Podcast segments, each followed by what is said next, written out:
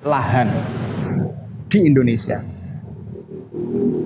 Banyaknya petani gurem, petani gurem itu adalah petani yang menguasai lahan kurang dari setengah hektar. Masih ada atau orang atau rumah tangga tani yang menguasai tanah lebih dari 5 hektar. Itu yang terjadi. Maka secara lebih spesifik bahwa dalam kajian agraria land reform itu sebetulnya masih diperjuangkan. Keadilan agraria berarti keadilan tentang penguasaan tanah dan land reform atau orang disebutnya restrukturisasi lahan, kira-kira begitu. Mengapa hal ini sangat begitu kurang diminati saat ini? Karena yang pertama adalah akibat dari politik Orde Baru yang menganggap bahwa kajian yang berkaitan dengan reforma agraria dan land reform dianggap kekiri-kirian. Di stigma komunis, maka kurangnya akademis yang bergelut di sedang itu, di bergelut di bidang agraria dan akhirnya apa?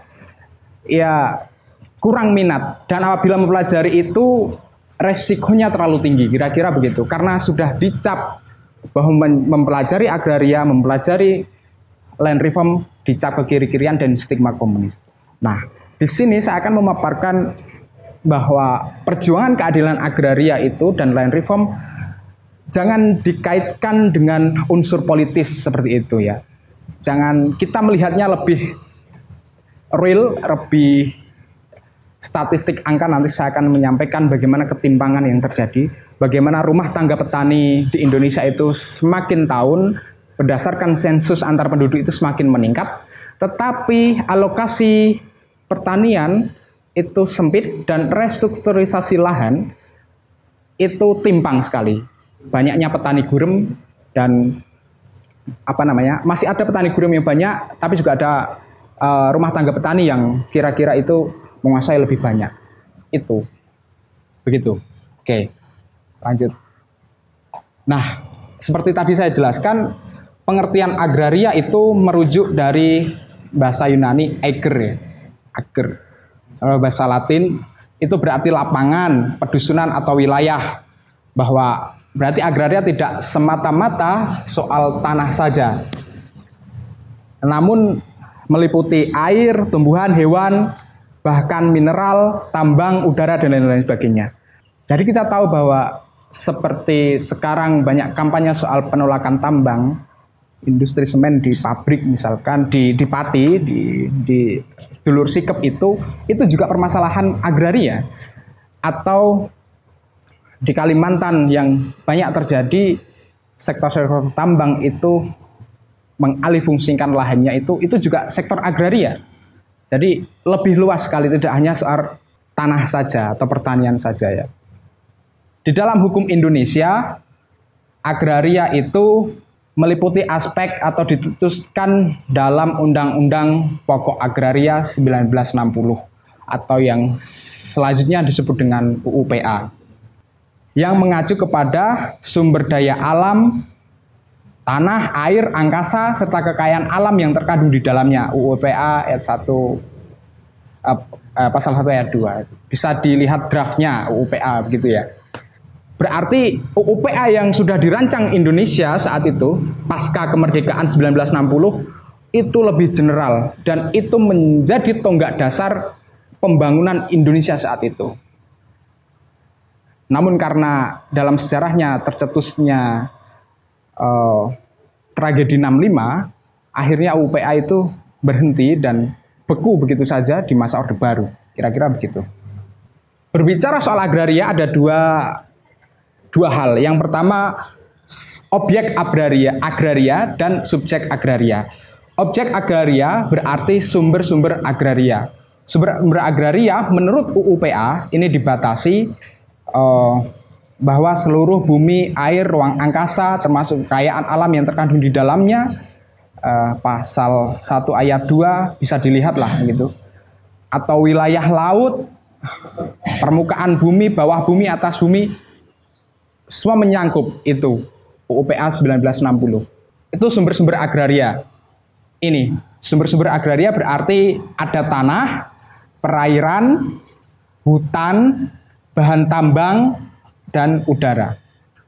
Ini saya sarikan dari buku Gunawan Wiradi, Perjuangan Keadilan, uh, Perjuangan Land Reform yang belum selesai kira-kira begitu. Bukunya nanti saya bisa share ke teman-teman.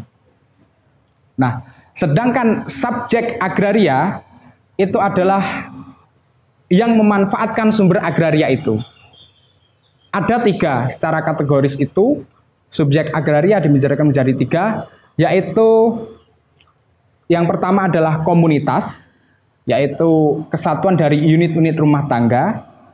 Yang kedua adalah pemerintah sebagai representasi negara. Dan yang ketiga adalah swasta, privat. Hubungan antara objek dan subjek ini atau subjek objek ini adalah pertanyaan siapa memiliki apa. Jadi kalau kita lihat sumber agraria itu subjek agrarianya itu adalah swasta sedangkan sumber agrarianya adalah yang seperti diteruskan tadi berarti nanti tipenya juga beda. Siapa yang mengelola itu? Subjeknya adalah siapa yang mengolah, siapa yang memanfaatkan. Sumber agraria seperti tadi ada tanah, perairan, udara, tambang, dan lain sebagainya itu. Maka pola-pola hubungan sosial agraris tersebut menurut Wiradi ada tiga tipe struktural agraria itu. Yang pertama adalah tipe kapitalis, bagaimana sumber-sumber agraria, tanah, udara, tambang dan sebagainya itu dikuasai oleh non penggarap atau perusahaan atau swasta kira-kira begitu. Yang kedua tipe sosialis berarti sumber agraria tadi, tanah dan sebagainya itu dikuasai oleh negara atau kelompok pekerja. Atau tipe populis atau neopopulis berarti sumber agraria itu tanah dan sebagainya itu dikuasai oleh keluarga atau rumah tangga saja. Teori neopopulis ini dicetuskan atau dilanggengkan oleh salah satu pemikir agraria namanya Chayanov. Dia berpendapat bahwa petani itu adalah subsisten. Dia bekerja untuk dirinya dan hasilnya untuk sendiri. Jadi dia subsisten terus. Kira-kira begitu. Itu aliran neopopulis. Oke. Itu ya. Jadi berbicara soal agraria kita berbicara soal objek dan subjek. Objek agrarianya berarti soal tanah, udara, tambang dan sebagainya. Subjek berarti siapa yang memanfaatkan itu. Ada tiga tadi, ada rumah tangga petani, ada rumah tangga, ada swasta atau perusahaan, ada negara. Nah, ketiga relasi itu, pola-pola itu membentuk tiga tipe. Saya ulang lagi, ada tiga tipe. Yang pertama tipe kapitalistik, sosialis, dan neopopulis dengan beberapa karakter itu. Nah, yang pertama tonggak adanya revol, adanya reforma agraria adalah rev, revolusi Prancis. Nah, revolusi Prancis bisa dikatakan atau orang lebih mengenalnya sebagai awal mula uh, abad modern. Kira-kira begitu. Dia mengkritik uh, sistem penguasaan tanah yang bercorak feodal, feodalisme kuasai oleh kerajaan-kerajaan itu, munculnya revolusi Prancis itu uh, berbarengan dengan kalau nggak salah liberalisme juga. Jadi oh nggak nggak mau dong tanah itu dikuasai oleh raja-raja saja, maka iya buatlah apa namanya kita gembur itu tanah feodal atau corak feodal itu dibenci uh, dengan pandangan liberal itu atau bermulanya tonggak sejarah modern itu di revolusi Prancis, maka tujuannya adalah membebaskan petani dari ikatan tuan budak dalam sistem feodal kerajaan. Tuh.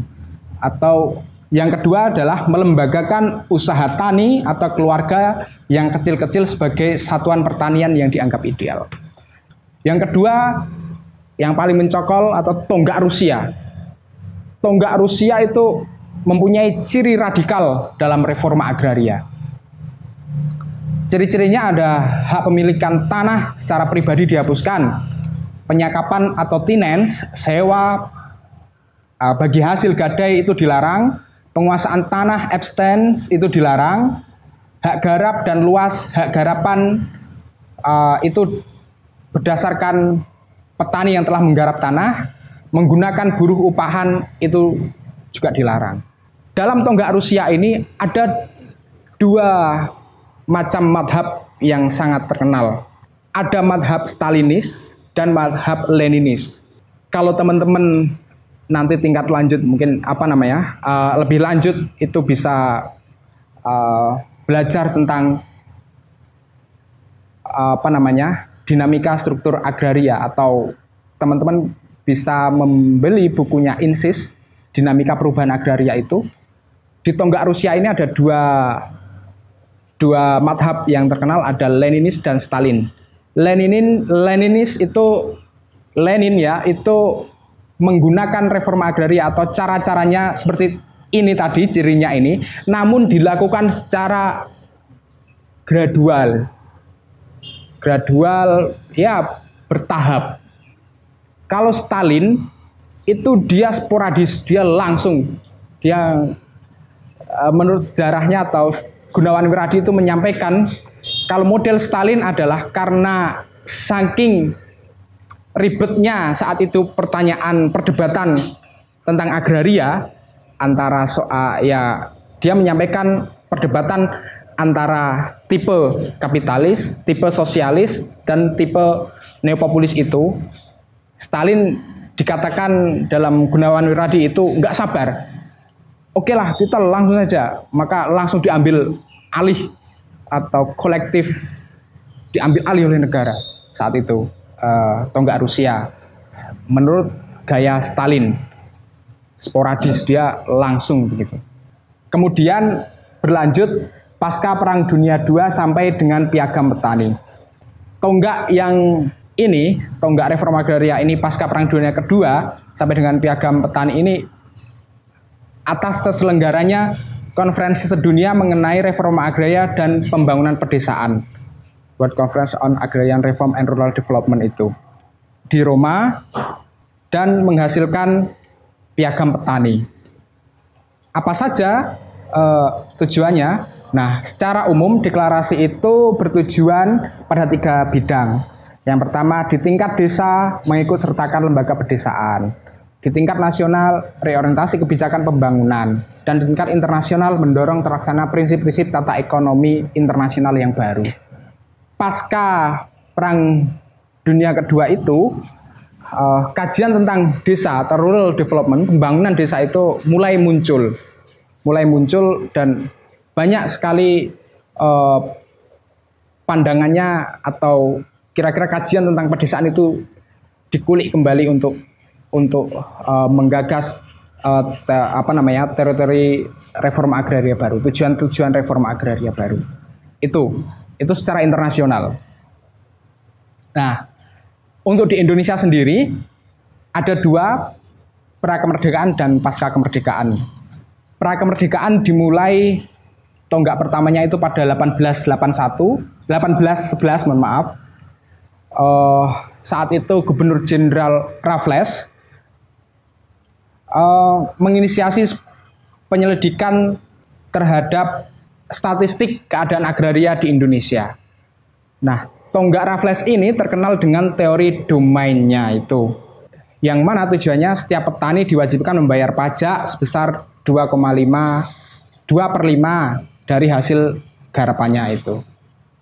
Teori Raffles ini kemudian sangat tenar pada abad ke-19 saat itu atau bisa dikatakan juga sebagai uh, contoh negara-negara koloni untuk ekspansi terhadap penjajah atau negara penjajahnya itu, negara yang dikoloninya itu.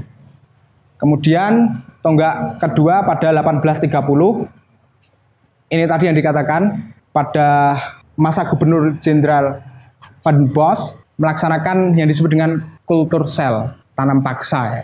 Belanda pada saat itu tanam paksa. Tanam paksa ini ada yang menarik. Jadi tanam paksa ini kan semua kekayaan dari negara jajahan itu diambil oleh negara.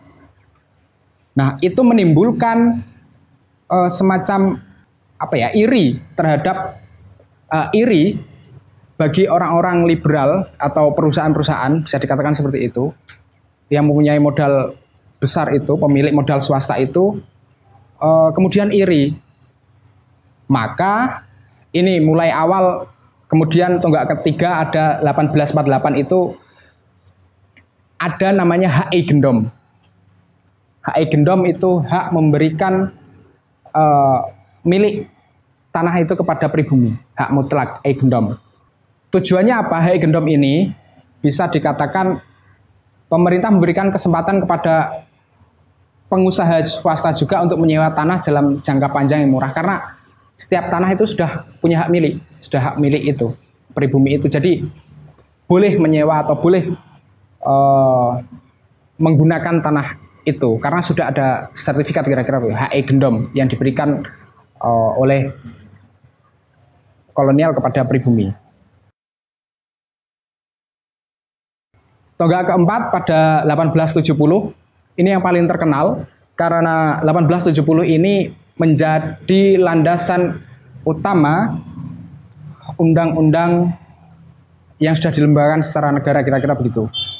Lahirnya agraris wet 1870 yang diundang-undangkan dalam bentuk negara itu yang memuat satu hal yang penting namanya adalah domain verklaring Benefit clearing adalah kira-kira bunyinya begini, menyatakan bahwa semua tanah yang tidak terbukti bahwa tanah itu ada hak milik mutlak atau agendom tersebut, maka itu termasuk domain negara atau domain verklaring itu, domain negara. Artinya milik mutlak negara. Sebelum ini kan sudah mem, sudah e, pemerintah kolonial itu memberikan hak agendom namun tidak semuanya semuanya diberikan hak ekonom itu, maka tonggak keempat ini mulai ini 1870 agraris sweat ini domain verklaring bagi tanah yang tidak dimiliki ada hak egendomnya itu, tanah yang tidak ada hak egendomnya itu, maka menjadi milik mutlak negara. Nah, otomatis tujuannya adalah karena sudah dimiliki negara, maka tujuan Undang-Undang Agraria itu memberikan kesempatan luas bagi modal asing untuk uh, menanam, kira-kira memberikan hak konsensinya itu, memberikan kesempatan luas kepada modal swasta asing, tapi juga melindungi, memperkuat hak atas tanah bagi bangsa Indonesia asli uh, berdasarkan Eigendom tadi yang diberikan, namun harapannya jauh. Sehingga pada tahun 1870 itu merupakan tonggak yang sangat penting dalam sejarah agraria Indonesia. Karena sejak itu, maka berduyun-duyunlah modal swasta Eropa mencekram Indonesia. Muncullah perkebunan-perkebunan swasta besar, skala besar di Sumatera, di Jawa dengan segala akibatnya. Tuh, tonggak awalnya undang-undang kolonial yang digunakan saat ini ya bersumber dari agraris wet itu tadi atau Undang-Undang Agraria 1870. Nah, pasca kemerdekaan uh, tonggak ke-6 yaitu 1960 lahirnya UPA. Ini berdas uh, apa namanya? UPA itu didasari bahwa pendiri Republik Indonesia itu bahwa menyadari betul bahwa pembangunan paling awal negara-negara pasca perang atau yang dijajah adalah restrukturisasi tanah dulu atau penataan kembali masalah pertanahan. Itu tonggak awalnya sebelum pembangunan itu berlanjut ke industri maupun ke yang lain. Maka founding father kita atau bapak pendiri bangsa kita sebenarnya sudah mengetahui betul bahwa tonggak utama pembangunan rencana pembangunan itu adalah dengan menyelesaikan penataan kembali restrukturisasi pertanahan itu terlebih dahulu sebelum nanti berkembang ke industri-industri industri atau sektor lain. Kira-kira begitu. Tepat pada tanggal 24 September Undang-Undang Nomor 5 Tahun 60 1960 tentang Peraturan Dasar Pokok-pokok Agraria kalau secara naskah hukum atau naskah undang-undangnya saya tidak begitu uh, mengetahui betul ya. Dalam artian tidak terlalu menguasai ah, background saya bukan hukum mohon maaf. Uh, tapi setidaknya memberikan pemandangan bahwa UUPA ini uh, merupakan dia merubah dari tatanan agraris tadi yang sudah dicanangkan pada masa kolonial itu dengan lahirnya UPA otomatis dia sebagai pengganti founding father kita sudah berusaha untuk mengganti tatanan undang-undang agraris yang sangat kolonialistik itu menjadi undang-undang pokok agraria yang ya bisa dikatakan inilah wajah Indonesia kira-kira begitu tentu tidak semudah atau tidak mudah untuk merencanakan itu.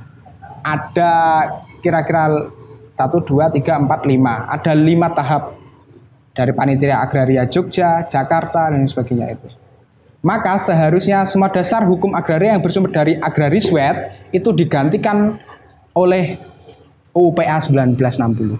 Sebetulnya itu sejak pasca atau setelah kemerdekaan Indonesia. Jadi undang-undang kolonial itu sebenarnya nggak berlaku dengan adanya UPA itu tadi sudah merencanakan apa namanya dasar soal agraria itu dari agraris wet ke UPA dengan agraris wet yang ciri-cirinya kolonialistik seperti itu kolonialistik ya diganti dengan UPA yang banyak turunannya ada tentang strukturisasi lahan juga. Setiap rumah tangga itu dua hektar dan sebagainya banyak poin-poinnya itu. Nah, di masa Orde Baru, tepatnya setelah kejadian 1965, kemudian karena berbagai alasan reforma agraria menjadi beku. Dan karena dianggap reforma agraria itu seperti tadi saya katakan sebagai antek komunis atau dicap program land reform agraria itu adalah kekiri-kirian. Maka mandek sejak 32 tahun Orde Baru itu. Masa rencana pembangunan masa Orde Baru itu bisa dikatakan sama sekali tidak menyentuh soal reforma agraria. Kebetulan saat itu juga sedang marak apa yang namanya revolusi hijau. Revolusi hijau adalah program intensifikasi pertanian bertujuan untuk meningkatkan produktivitas hasil dengan berbagai macam teknologi dan kebaruan. Ya, contohnya masa tanam padi yang pendek dengan hasil yang meningkat, kira-kira itu. Tapi ada masalah lagi bahwa revolusi hijau itu ternyata tidak berkelanjutan. Berdasarkan penelitian-penelitian, dia tidak berkelanjutan. Hanya bertahan 25 tahun saat itu. Oke, okay, Orde Baru memang memang terkenal dengan macan Asia. Dia penyetor lumbung padi terbesar. Uh, ya bisa dikatakan seperti itu, eksportir lumbung padi lah kira-kira begitu uh, di Indonesia. Namun yang terjadi pula karena UPA sudah ditutup karena kejadian 65 itu Orde Baru tidak melakukan uh, apa namanya undang-undang UPA tersebut lagi malah membuat undang-undang penanaman modal asing, undang-undang kehutanan, pertambangan. Jadi enggak enggak menyentuh soal reforma agraria atau masalah uh, UPA itu enggak dijalankan sama sekali. Nah, program revolusi hijau oke, okay. saat itu intensifikasi pertanian sangat meningkat, tetapi sisi buruknya adalah degradasi lahan itu sangat terjadi. Dengan lebih banyak menekankan apa namanya pestisida, obat dan sebagainya, unsur haranya itu semakin menipis. Sehingga cara rentangnya itu ya awal bagus tapi semakin ke sini produktivitasnya juga akan menurun. Kira-kira begitu. Itu kritik terhadap revolusi hijau yang dijalankan pemerintah Orde Baru saat itu. Kira-kira begitu. Nah, yang paling penting adalah ada trauma akibat 1965 itu tadi bahwa UPA adalah produk Partai Komunis Indonesia. Nah, prasangka itu dijernihkan secara legal setelah keluarnya TAP MPR nomor 1978. Setelah pasca kemerdekaan kurang lebih selama 70 sekarang Indonesia mau 70 6 apa 5 76 76 tahun ya sejak awal mula sudah ada dibentuk program sudah dibentuk undang-undang pokok agraria namun di orde baru itu mandek ya dia enggak eh, dia nggak dijalankan oleh pemerintah. Nah bagaimana sih struktur agraria saat ini kira-kira gambaran umumnya? Ini yang saya sampaikan bahwa perencanaan pembangunan yang dilakukan Indonesia setelah kemerdekaan itu walaupun dengan program-programnya ya revolusi hijau atau apa pun itu dia tidak menyentuh akar permasalahan yang paling dasar yaitu soal ketimpangan penguasaan tanah oleh rumah tangga pertanian khususnya di Indonesia itu. Secara umum terbagi dua, yaitu ketimpangan antara penyediaan lahan untuk kegiatan ekstraksi, perkebunan skala besar, pertambangan atau apa pun itu, dengan tujuan mencari keuntungan bagi perusahaan-perusahaan dan penyediaan lahan bagi aktivitas pertanian rakyat. Nanti saya akan tunjukkan data bagaimana penyediaan itu timpang antara penyediaan aktivitas pertanian untuk rakyat dengan penyediaan lahan untuk kegiatan ekstraksi. Timpang sekali. Kedua, melihat kondisi ketimpangan distribusi tanah di antara kelompok-kelompok petani. Ini bisa dilihat uh, dari dinamika perubahan agraria ya. Contoh ada kelas-kelas juga di dalam petani itu. Karena petani itu tidak satu kelas tunggal, tetapi petani mempunyai kelas-kelas juga.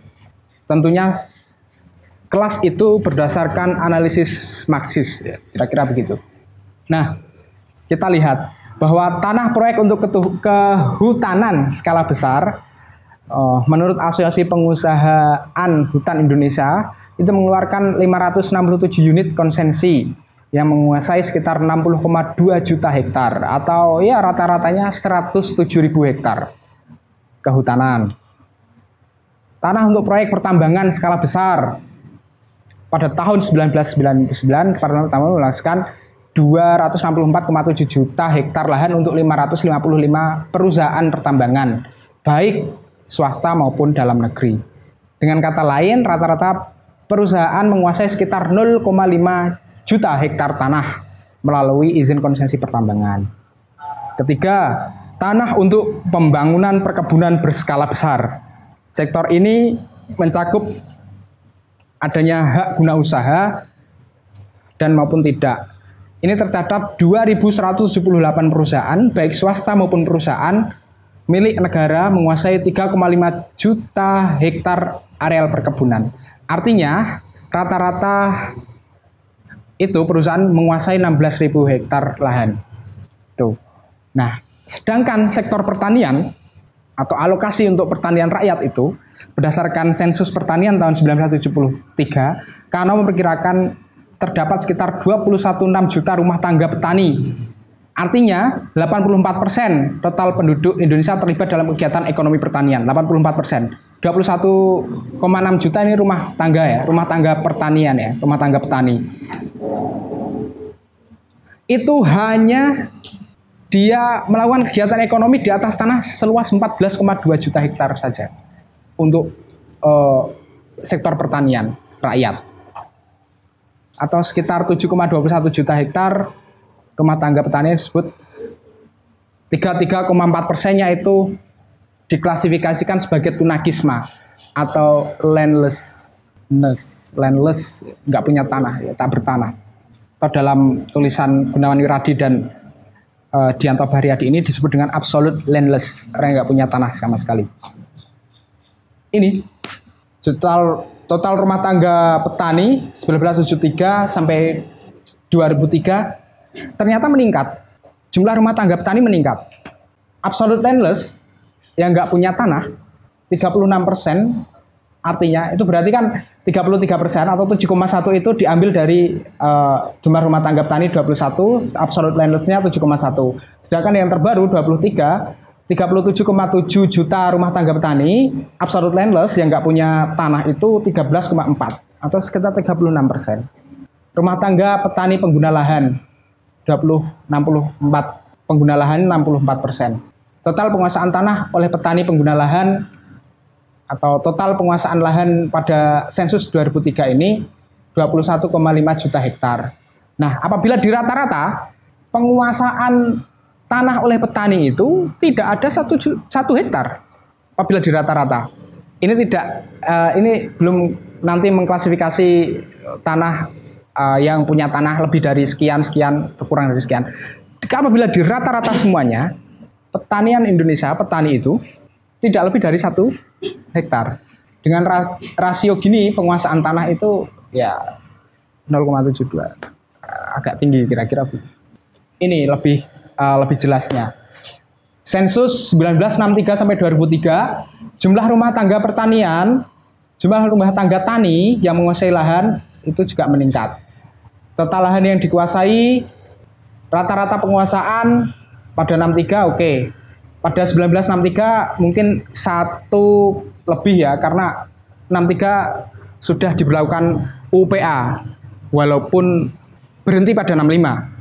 Tapi 63 sudah mulai melihat. Tapi setelah itu rata-rata penguasaan lahan kurang dari satu hektar. Berarti bisa disebutkan Bapak, sebetulnya kalau kita menyampaikan petani semakin langka saat ini, itu juga sebetulnya keliru. Dihitung dari jumlah sensus, rumah tangga pertanian itu semak, dari tahun ke tahun semakin bertambah. Tetapi yang tidak bertambah adalah penguasaan lahannya yang nggak ada. Dengan bertambahnya rumah tangga petani, tetapi penyediaan lahan untuk pertanian itu tidak difikirkan atau tidak dialokasikan dalam rencana pembangunan pertanian di Indonesia.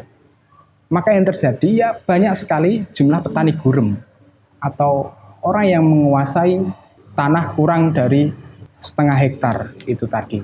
Dari sini paham, amasnya ada gambaran nggak Semakin bertambahnya jumlah rumah tangga petani, tapi tidak disokong dengan bertambahnya jumlah tanah garapan.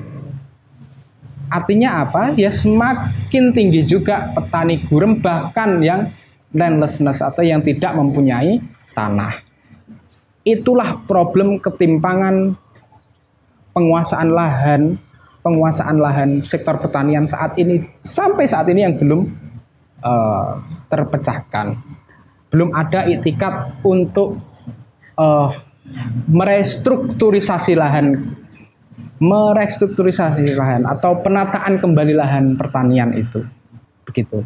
Sedangkan apabila kita melihat ya, kita kan selalu ini tambahan saja. Mungkin kita selalu didorongkan dengan ek, pertumbuhan ekonomi Indonesia masih lemah sekitar 5%. Enggak ada sampai 7 kita melihat kalau pertumbuhan ekonomi diukur dari pendapatan, ya, sedangkan petani yang petani kecil bahkan landlessness nggak punya pertanian, otomatis dia bergantung dengan pertanian.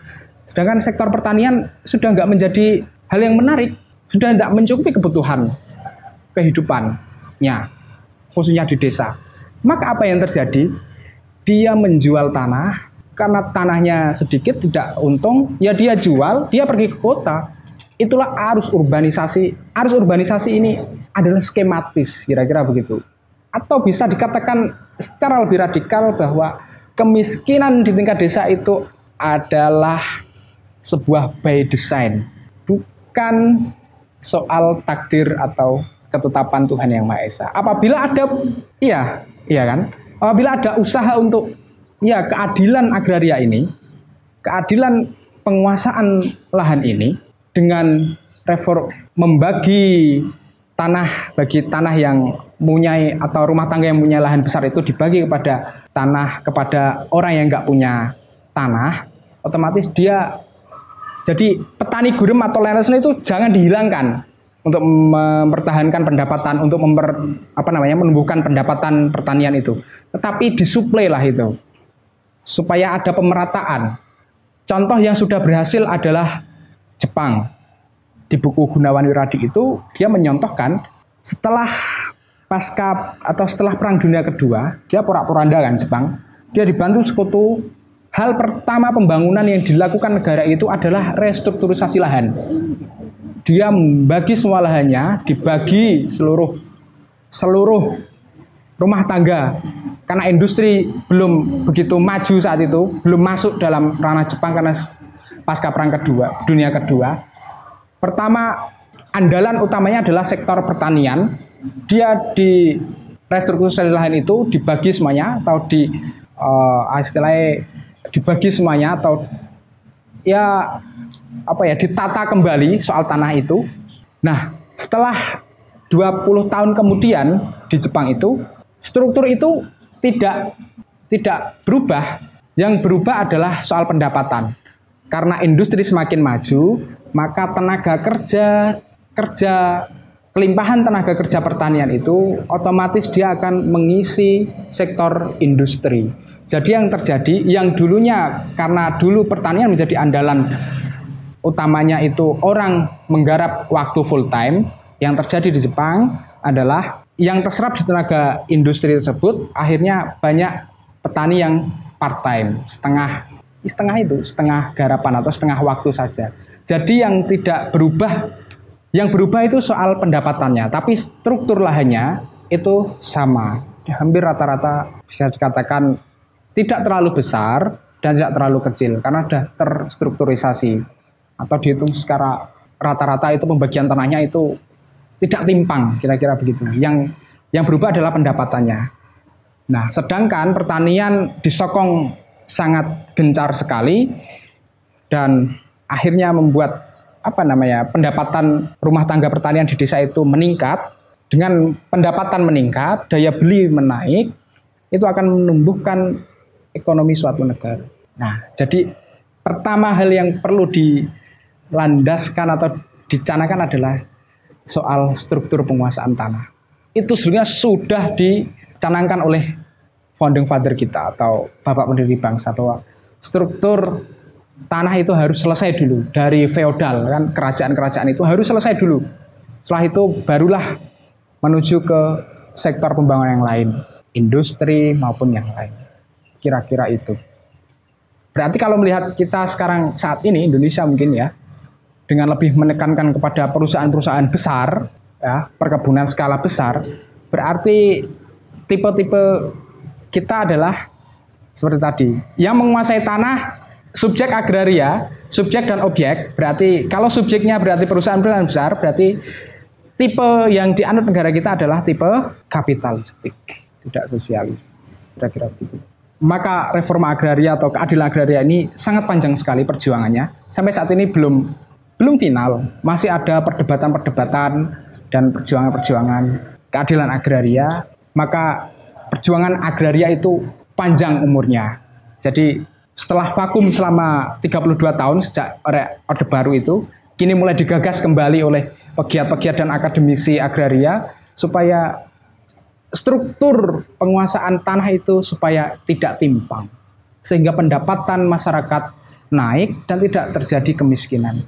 Bukankah itu sebuah hal yang sangat mulia sekali? Dan kita bisa mematahkan bahwa kemiskinan bukan akibat dari takdir. Walaupun saya juga percaya takdir, tapi lebih bisa dirasionalkan dengan langkah-langkah yang ya yang pertama land reform dan sebagainya. Maka jangan dianggap bahwa mempelajari reforma agraria, land reform, keadilan agraria tidak atau sudah tidak lagi jangan dikatakan berbau kiri-kirian lah. Ini adalah ikhtiar untuk meningkatkan kesejahteraan khususnya petani-petani kecil dan mengentaskan pendapatan di tingkat pedesaan.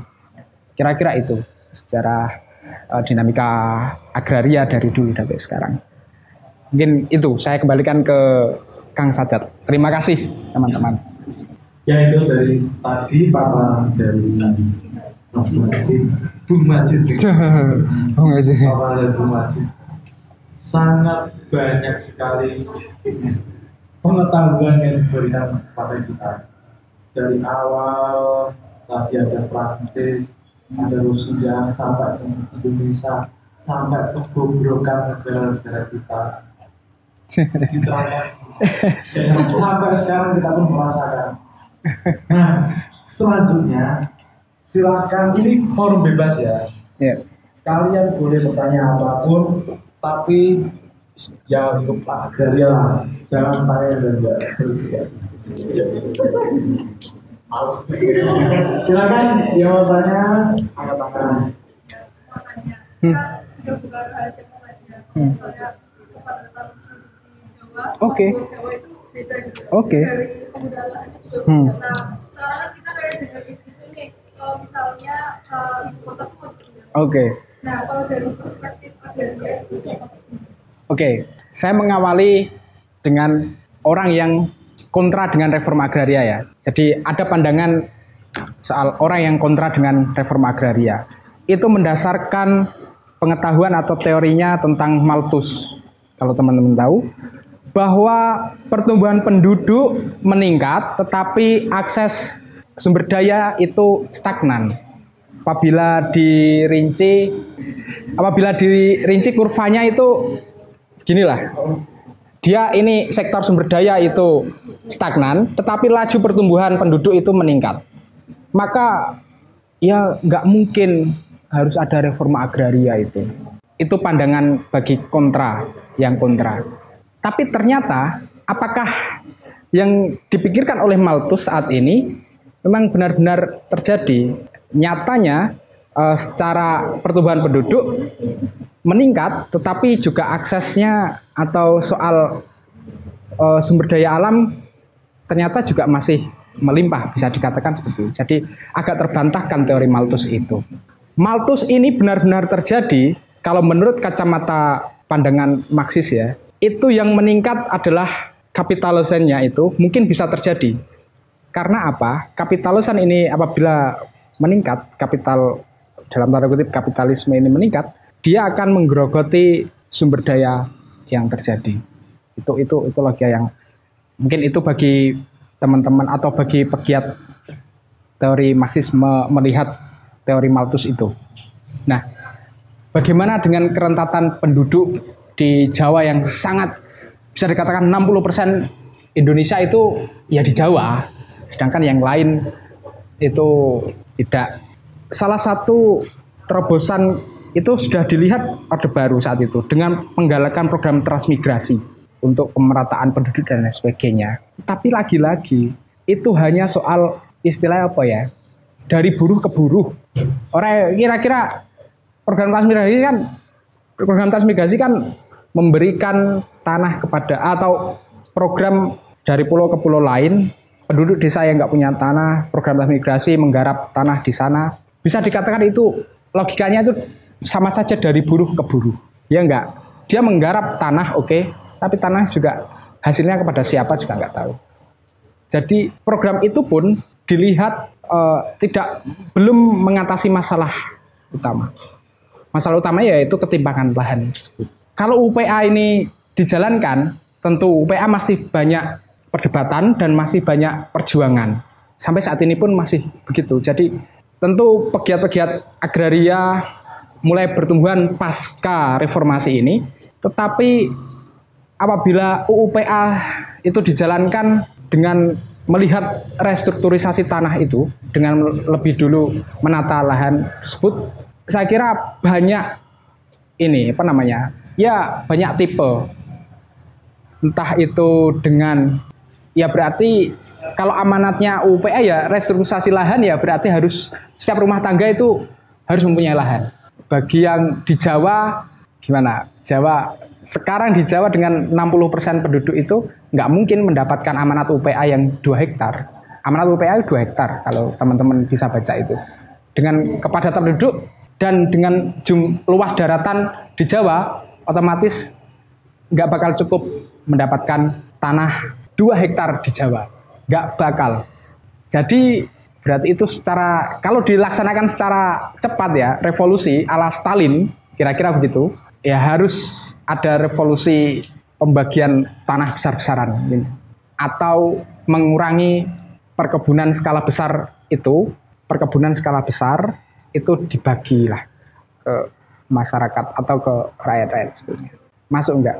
kalau kita lihat di Jawa dan Sumatera, konsensi perkebunan sawit misalkan, timbulnya transmigrasi pun juga sebetulnya membuat masalah ya. Dia ekspansi ke wilayah Sumatera atau Kalimantan yang dia masyarakat di situ sudah mempunyai sudah mempunyai adat tanah adat, tanah ulayat. Dengan semena-mena negara masuk program transmigrasi, dia menyerobot tanah hak tanah ulayat, hak tanah adat. Itu kan juga mengurangi hak orang lain toh, kira-kira begitu. Sedangkan dalam perjuangan agraria pun juga perjuangan tanah ulayat, tanah adat itu juga dimunculkan kembali. Hak atas tanah ulayat, hak atas tanah tergantung sih. Saya kira tipenya itu kalau mau beralih dari kapital ke sosialis tanah dikuasai negara digarap berarti kolektivis kolektivisme itu. Tanah kolektif berarti nggak ada hak milik tapi digarap semuanya reforma agraria mau tipe yang mana dengan pergantian ibu kota mungkin tujuannya adalah memindahkan konsentrasi dari Jawa ke Kalimantan mungkin ya itu tetapi yang menjadi masalah dalam kaca Marxis ya sama saja dia mendatangkan buruh-buruh. Paham? Masa paham nggak? Iya toh. Dia mendatangkan buruh-buruh lagi untuk mengalokasikan ibu kota baru atau uh, kota baru itu. Ya kita tahu terbentuknya sistem kota itu tidak lepas dari seorang geografer itu David Harvey mengatakan atau Henry Lefebvre itu mengatakan ada sosiospasial dan sosiotemporal atau Mukhtar Habibi, teman-teman bisa searching.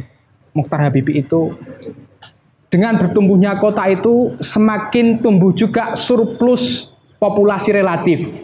Surplus populasi relatif adalah surplus bisa dikatakan surplus cadangan tenaga kerja.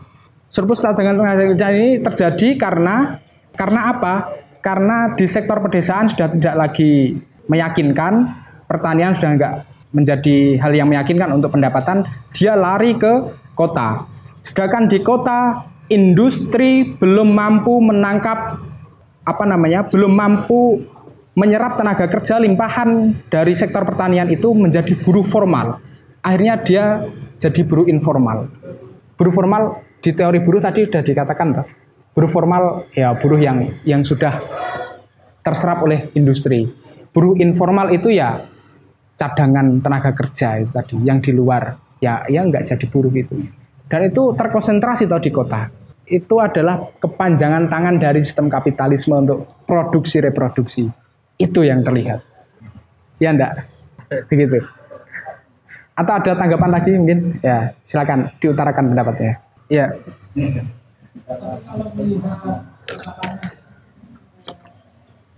Data dari PPS yang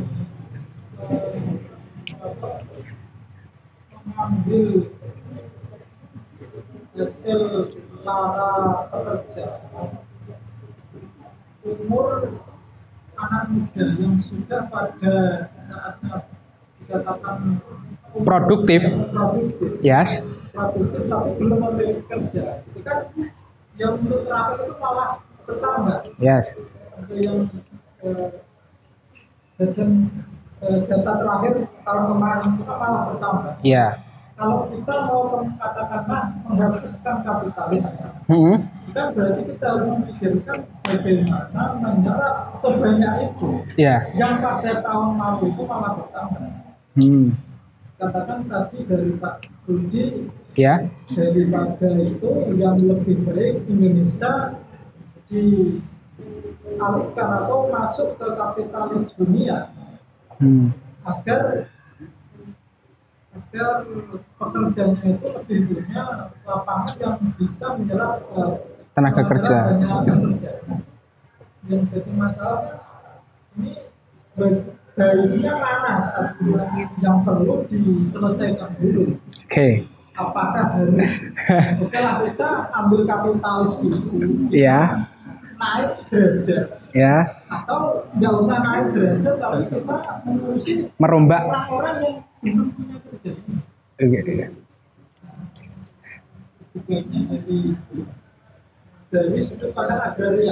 Oke, sekarang bisa dikatakan bonus demografi ya.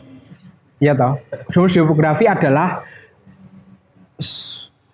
atau usia produktif itu lebih besar daripada usia kelahiran dan usia kematian. Berarti tenaga kerja produktif eh, usia kerja produktif itu lebih bertambah. Nah, harapannya usia produktif ini bisa menanggung beban ekonomi bagi yang sudah lanjut dan bagi yang belum di masa kerja itu. Kalau kita melihat pendapat tadi, seperti pendapat Pak Pendeta tadi ya, Pak Rudi, Pak Rudi, Indonesia harus mampu eh, masuk ke sistem kapitalisme global. Ya, pendapatnya Pak Jokowi. pendapat, oh pendapatnya Pak Jokowi. Oh ya, pendapat ah, ya pendapatnya Pak Jokowi ya. Ya kita kembali ke corak kerja atau corak produksi kapitalisme. Corak produksi kapitalisme berarti kan ada buruh dan majikan. Ya ada dua itu atau dua kelas, kelas berjuis dan proletar. Tentunya itu dipandang secara marxis kan timpang ya. Nah, secara agraria perjuangan yang terus digencarkan itu merubah tatanan dari kapitalisme ini menuju sosialisme sebetulnya. Dari ya ya utopisnya istilahnya ya utopisnya itu ya sama rasa sama rata. Nggak ada perbedaan kelas kira-kira begitu menuju sosialisme. Nah kalau secara agraria tipe-tipe reform agraria tipe sosialis itu tanah menjadi tanah kolektif yang mengatur adalah negara dan yang membagi adalah negara itu untuk untuk meningkatkan pendapatan pendapatan hasil pertanian atau pertanahan itu. Ya secara agraria teori atau tokoh-tokohnya lebih menekankan bagaimana merubah dari tatanan kapitalisme ini menuju sosialisme itu.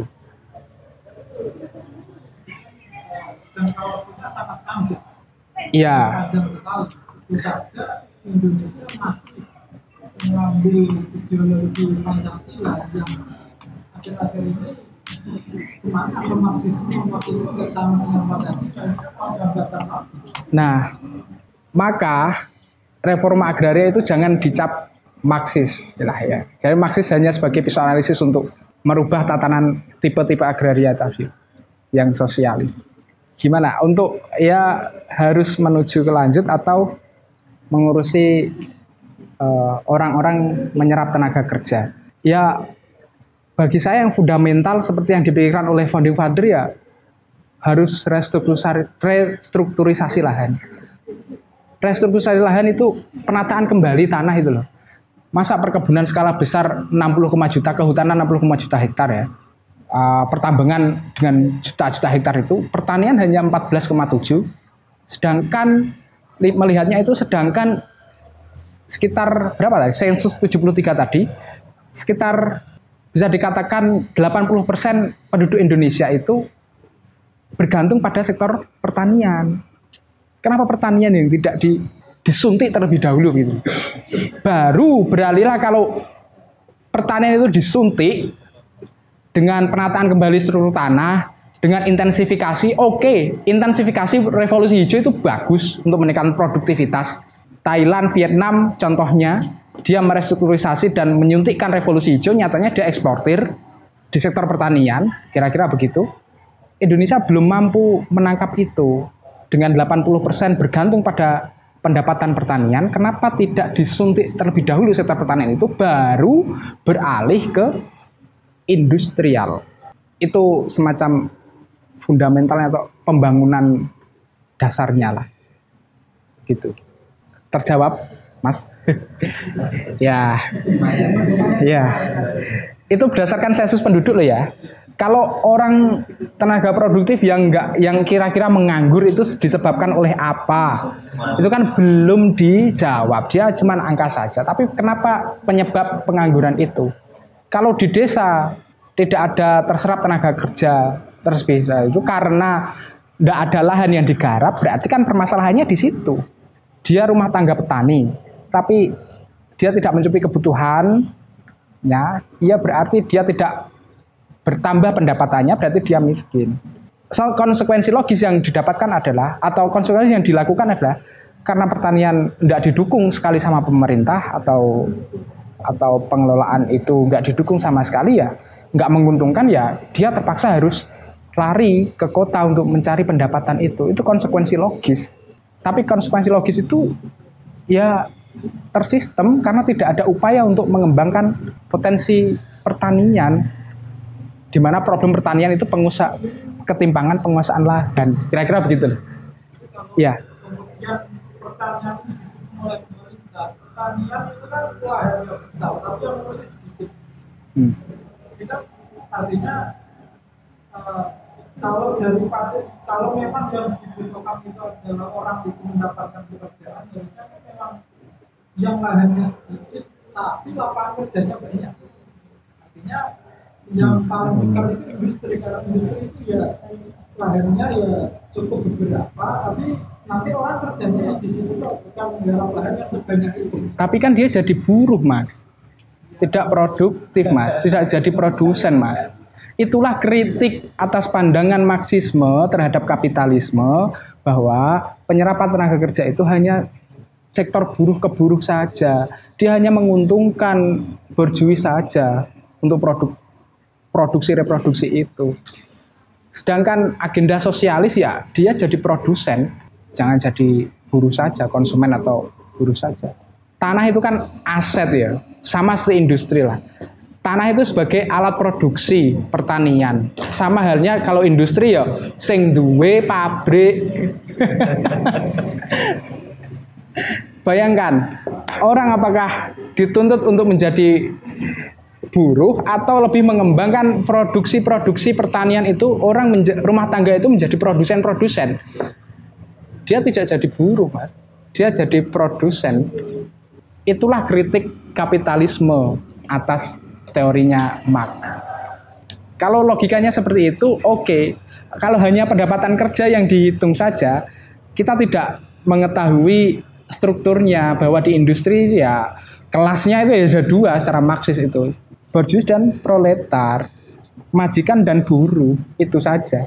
Beda dengan kategorisasi kelas menurut Max Weber. Max Weber itu sesuai pendapatan lah oke. Tapi yang dikatakan pendapatan menengah ke bawah ke atas itu kan selalu berubah-ubah tetapi kalau pandangan Marxis kelas itu ya ada dua pekerja dan ya. saya meyakini betul bahwa saya adalah tentara cadangan produksi tentara cadangan industrial saat ini memang belum terserap di tenaga kerja industri karena saya masih belajar. Tetapi saya adalah cadangan tentara tenaga industri sama seperti jenengan. Ini akan menjadi buruh-buruh produksi. Kita ini kan menjadi buruh-buruh produksi. Itu real gak? Iya. Itulah. Akhir- Dan ya kita menyadari betul kita kelas proletar. Pekerja yang berkerah putih, berseragam hebat, walaupun naik mobil, dia juga pekerja. Walaupun pendapatannya agak Ya. Dia pekerja nggak? Pekerja kan? Iya. Sedangkan kalau pertanian, dia punya tanah. Tanah itu ibarat industri. Kalau tanah itu sebagai alat produksi, dia jadi produsen. Kritiknya terhadap kapitalisme adalah, ya itu tadi, kapitalisme menciptakan buruh-buruh untuk selalu mau akumulasi, akumulasi, akumulasi, akumulasi. Tadi pasti kan sudah diterangkan, Marxisme dan akumulasi primitif, akumulasi, akumulasi, nilai lebih, nilai lebih, M, C, M plus, teori membaca das kapital ya kan, ya kira-kira begitu. Ya, gimana? Masuk akal ya cara istilah. Ada lagi, Ada lagi teman-teman? Sharing-sharing aja ya kita santai wae lah. santai wae santai ada lagi teman-teman mau sharing pengalamannya atau apa pun itu nah ini tambahan ya eh, apa namanya ya sedikit cerita aja kalau teman-teman bisa membaca bukunya Insis juga saya pengagum Insis memang Insis Press. Insis Press di politik pangan itu era era baru politik pangan karya McMahon yang diterjemahkan oleh Nur Fauzi Roman. Sekarang dalam dunia pangan ya, dalam industri pangan itu, eh, sektor pangan itu sekarang sudah berubah. Yang dulunya eksportir pengimpor barang ekspor impor itu dilakukan oleh perusahaan-perusahaan besar seperti Wilmar kalau kelapa, kelapa, kelapa sawit teman-teman bisa identifikasi. Ada ada pemain di situ untuk eksportir dari negara satu ke negara yang lain. Sekarang berubah politik pangannya. Sekarang yang terjadi adalah apa namanya intervensi negara terhadap negara.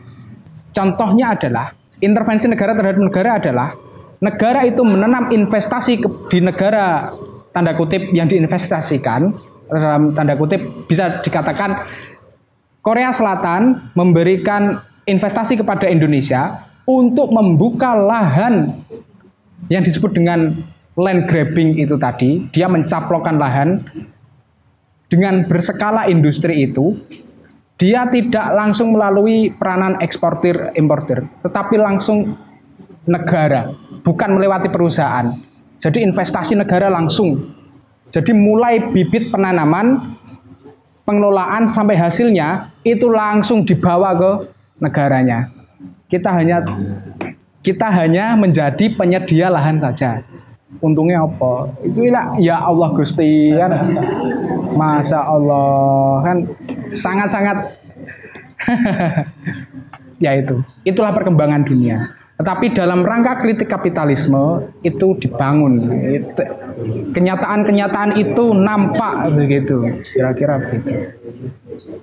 Itu era baru politik pangan sekarang, yang dulunya dikendalikan oleh perusahaan-perusahaan besar, perusahaan-perusahaan non negara, pengusaha murni pure dengan mengendalikan eksportir, ya dia distribusi atau jasa saja. Sekarang sudah masuk intervensi antara negara ke negara. Dan negara berkembang seperti kita, negara pasca jajahan seperti kita, ya udah hanya sebagai penyedia lahan saja, kita nggak menikmati hasilnya aja. Hasilnya dari tanam sampai hasil dibuat nih negara nih investor. Iya jal. Itu. Ya silahkan. Ya. Ya.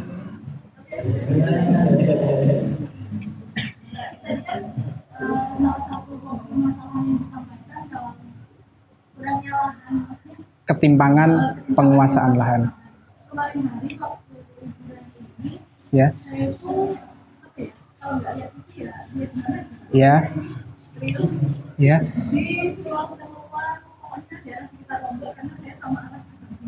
Ya yang terjadi itu mereka punya lahan hmm. itu ada. Tapi itu uh, masyarakat pesisir. Jadi itu hanya di satu desa. Satu yang mungkin hanya satu desa. Dan yang apa yang membuat miris itu satu desa itu mereka hanya memiliki dua kapal nelayan. Kapal nelayan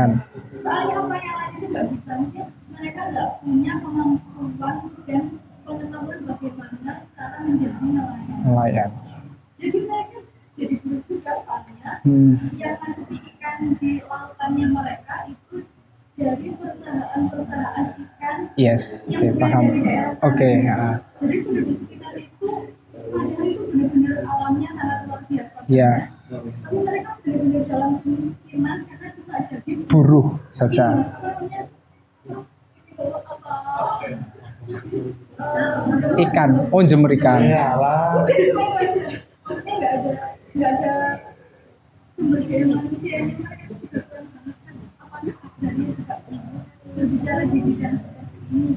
Oke. Okay. SDM ya berarti ya. Saya benar-benar nggak tahu bagaimana cara kamu diwawancarai. Ya, saya nggak tahu gimana cara membuat kapal, gimana cara nangkap ikan, kapal yang jemur-jemur ikan. Oke. Pertanyaannya, saya tanya kembali, problem itu selain SDM, apakah ada faktor lain? Atau sebetulnya atau sistem pasar di situ enggak tidak tidak diciptakan pasar di situ? Di situ ada pasar. Ada pasar dan rata-rata benar-benar terpencil dari Lombok aja harus menempuh perjalanan selama dua jam jadi hmm. mereka masuk bahan dari luar semua yeah. dan hanya di satu pasar satu desa mereka punya laut mereka nggak bisa memanfaatkan cara itu jadi pasarnya mereka juga dari luar Hmm. hasil usahanya juga hanya dari MEP-MEP Pak. Wae. Iya. Iya. Kita sepakat ya, kita sepakat untuk Mas eh, aku menyebutnya kita pasti butuh teknologi ya kan. Ya toh. Butuh pengetahuan baru untuk meningkatkan SDM. Sosialisme itu sebetulnya tidak anti terhadap teknologi atau kebaruan zaman. Tetapi bagaimana pengelolaan itu lebih merata kira-kira begitu sosialisme. Jadi mungkin yang disampaikan oleh mbaknya tadi kurangnya SDM yang di disuntik kira-kira begitu ya. Memberikan pengetahuan atau pengalaman pelatihan kerja kira-kira begitu kepada nelayan atau kepada yang berada di sektor situ. Di agraria kayak mungkin saya yang belum mengetahui, belum mengetahui pengembangan sumber daya itu perlu nggak sih di pembahasan agraria itu. Tetapi saya meyakini betul bahwa apabila di situ terjadi sirkulasi uang atau pasar dalam tanda kutip bukan pasar seperti yang kita lihat, tapi pasar yang dalam tanda kutip pertukaran komoditas dan istilahnya untuk meningkatkan pendapatan di desa tersebut pasti orang akan secara otomatis dia akan adaptasi dengan itu. Maksud enggak? Contoh beginilah pertanyaannya. Aku kembali ke sektor agraria pertanian. Kalau sekarang pertanian itu menjanjikan, apakah orang akan tetap meninggalkan pertanian? Menjanjikan dalam artian pendapatannya juga tinggi, nilai jual produk komoditas pangan itu tinggi, dan apakah orang akan meninggalkan pertanian? Tentunya tidak toh. Mungkin itu yang perlu disuntikkan. Analogi itu. Paham? Piye aku. Nah, kan. Gimana? Uh, lagi Ya, ya. Eh, kan kalau agraria itu termasuk air kan Air kalau misalnya rumah yang dibuat di tanah itu kan ada hak di tanah ya, sama guna bangunan nah kalau misalnya rumah yang dibuat di laut Ya. itu dapat hak guna hak guna bangunan dan hak tanah tidak hak milik juga nggak sih? Dan sama tentang kan kalau di UPA itu ada pasal tentang pendaftaran tanah. Ya. kadang eh, di apa ya zamannya itu nggak ada yang itu jadi kayak sistem apa ya namanya itu lupa gitu ya. Makanya nanti tuh di kadang ada kasus tentang sertifikat ganda nah Hmm. menurut kakak penyelesaian tentang sertifikat ganda itu gimana sertifikat ganda. Eh, saya secara hukum, mohon maaf saya tidak tahu ya. Secara hukum, secara hukum saya tidak tahu. Eh, karena hukum itu sangat teknis sekali. Teman-teman yang belajar di hukum di sini di Fakultas Syariah ini sangat teknis sekali. Saya tidak bisa menjelaskan eh, problemnya itu. Tetapi intinya adalah masalah agraria itu dilimpahkan kepada pasal bahwa bumi, air dan itu ada dikuasai negara dan diperuntukkan untuk kesejahteraan rakyat. Itulah landasannya saya kira. Itu landasan paling fundamental Undang-Undang Nomor 13 tahun 1945. Itu kan soal turunan sertifikat ganda atau apa pun. Tapi baik problem tadi misalkan sebetulnya bangsa kita dicetuskan oleh founding father kita ya sosialis kayak pemerataan nggak ada yang eh, eh orang satu menguasai orang lain karena tahu betul founding father kita sudah membaca Karl Marx sudah membaca ini sudah mengerti peta dunia eh, peta negara-negara maju negara-negara maju hal pertama yang dilakukan pasca kemerdekaannya adalah restitusi lahan dia belajar dari situ tapi karena tingginya tendensi apa namanya tekanan-tekanan politik dan ekonomi, ekonomi dan politik ya menjadikan Indonesia seperti sekarang ini. Kira-kira seperti itu. Kalau soal tanah di atas eh rumah di atas laut itu sampean pernah lihat The Bajau? eh, yang baru ini ya baru-baru ini itu menceritakan soal suku Bajau yang dia memang satu-satunya suku maritim. Ya mungkin ada yang lain cuma yang terekam dia maritim. Dia tidak berada di atas daratan, tapi dia hidup nomaden di atas lautan, mengembara di atas lautan. Di atas kapal. Di Bajau mungkin bisa dianalisis itu. Tapi secara hak milik tanah yo yo aku nggak tahu soal itu ya. Tapi yang pasti tanah udara tanah milik negara dikuasai oleh rakyatnya. Mungkin itu. Iya ini milik semua. Kira-kira begitu. Belum terjawab ya mbak ya. Aku aku gak bisa jawab ya katanya ya silakan. Masalahnya terkait penguasaan tanah Heeh. terkait contoh yang kasus yang saya alami itu kan punya lahan nah mereka punya kemampuan untuk mengolah iya sama itu juga jadi problem iya problem jadi ketika mereka punya lahan terus mereka nggak punya kemampuan ya sama. Iya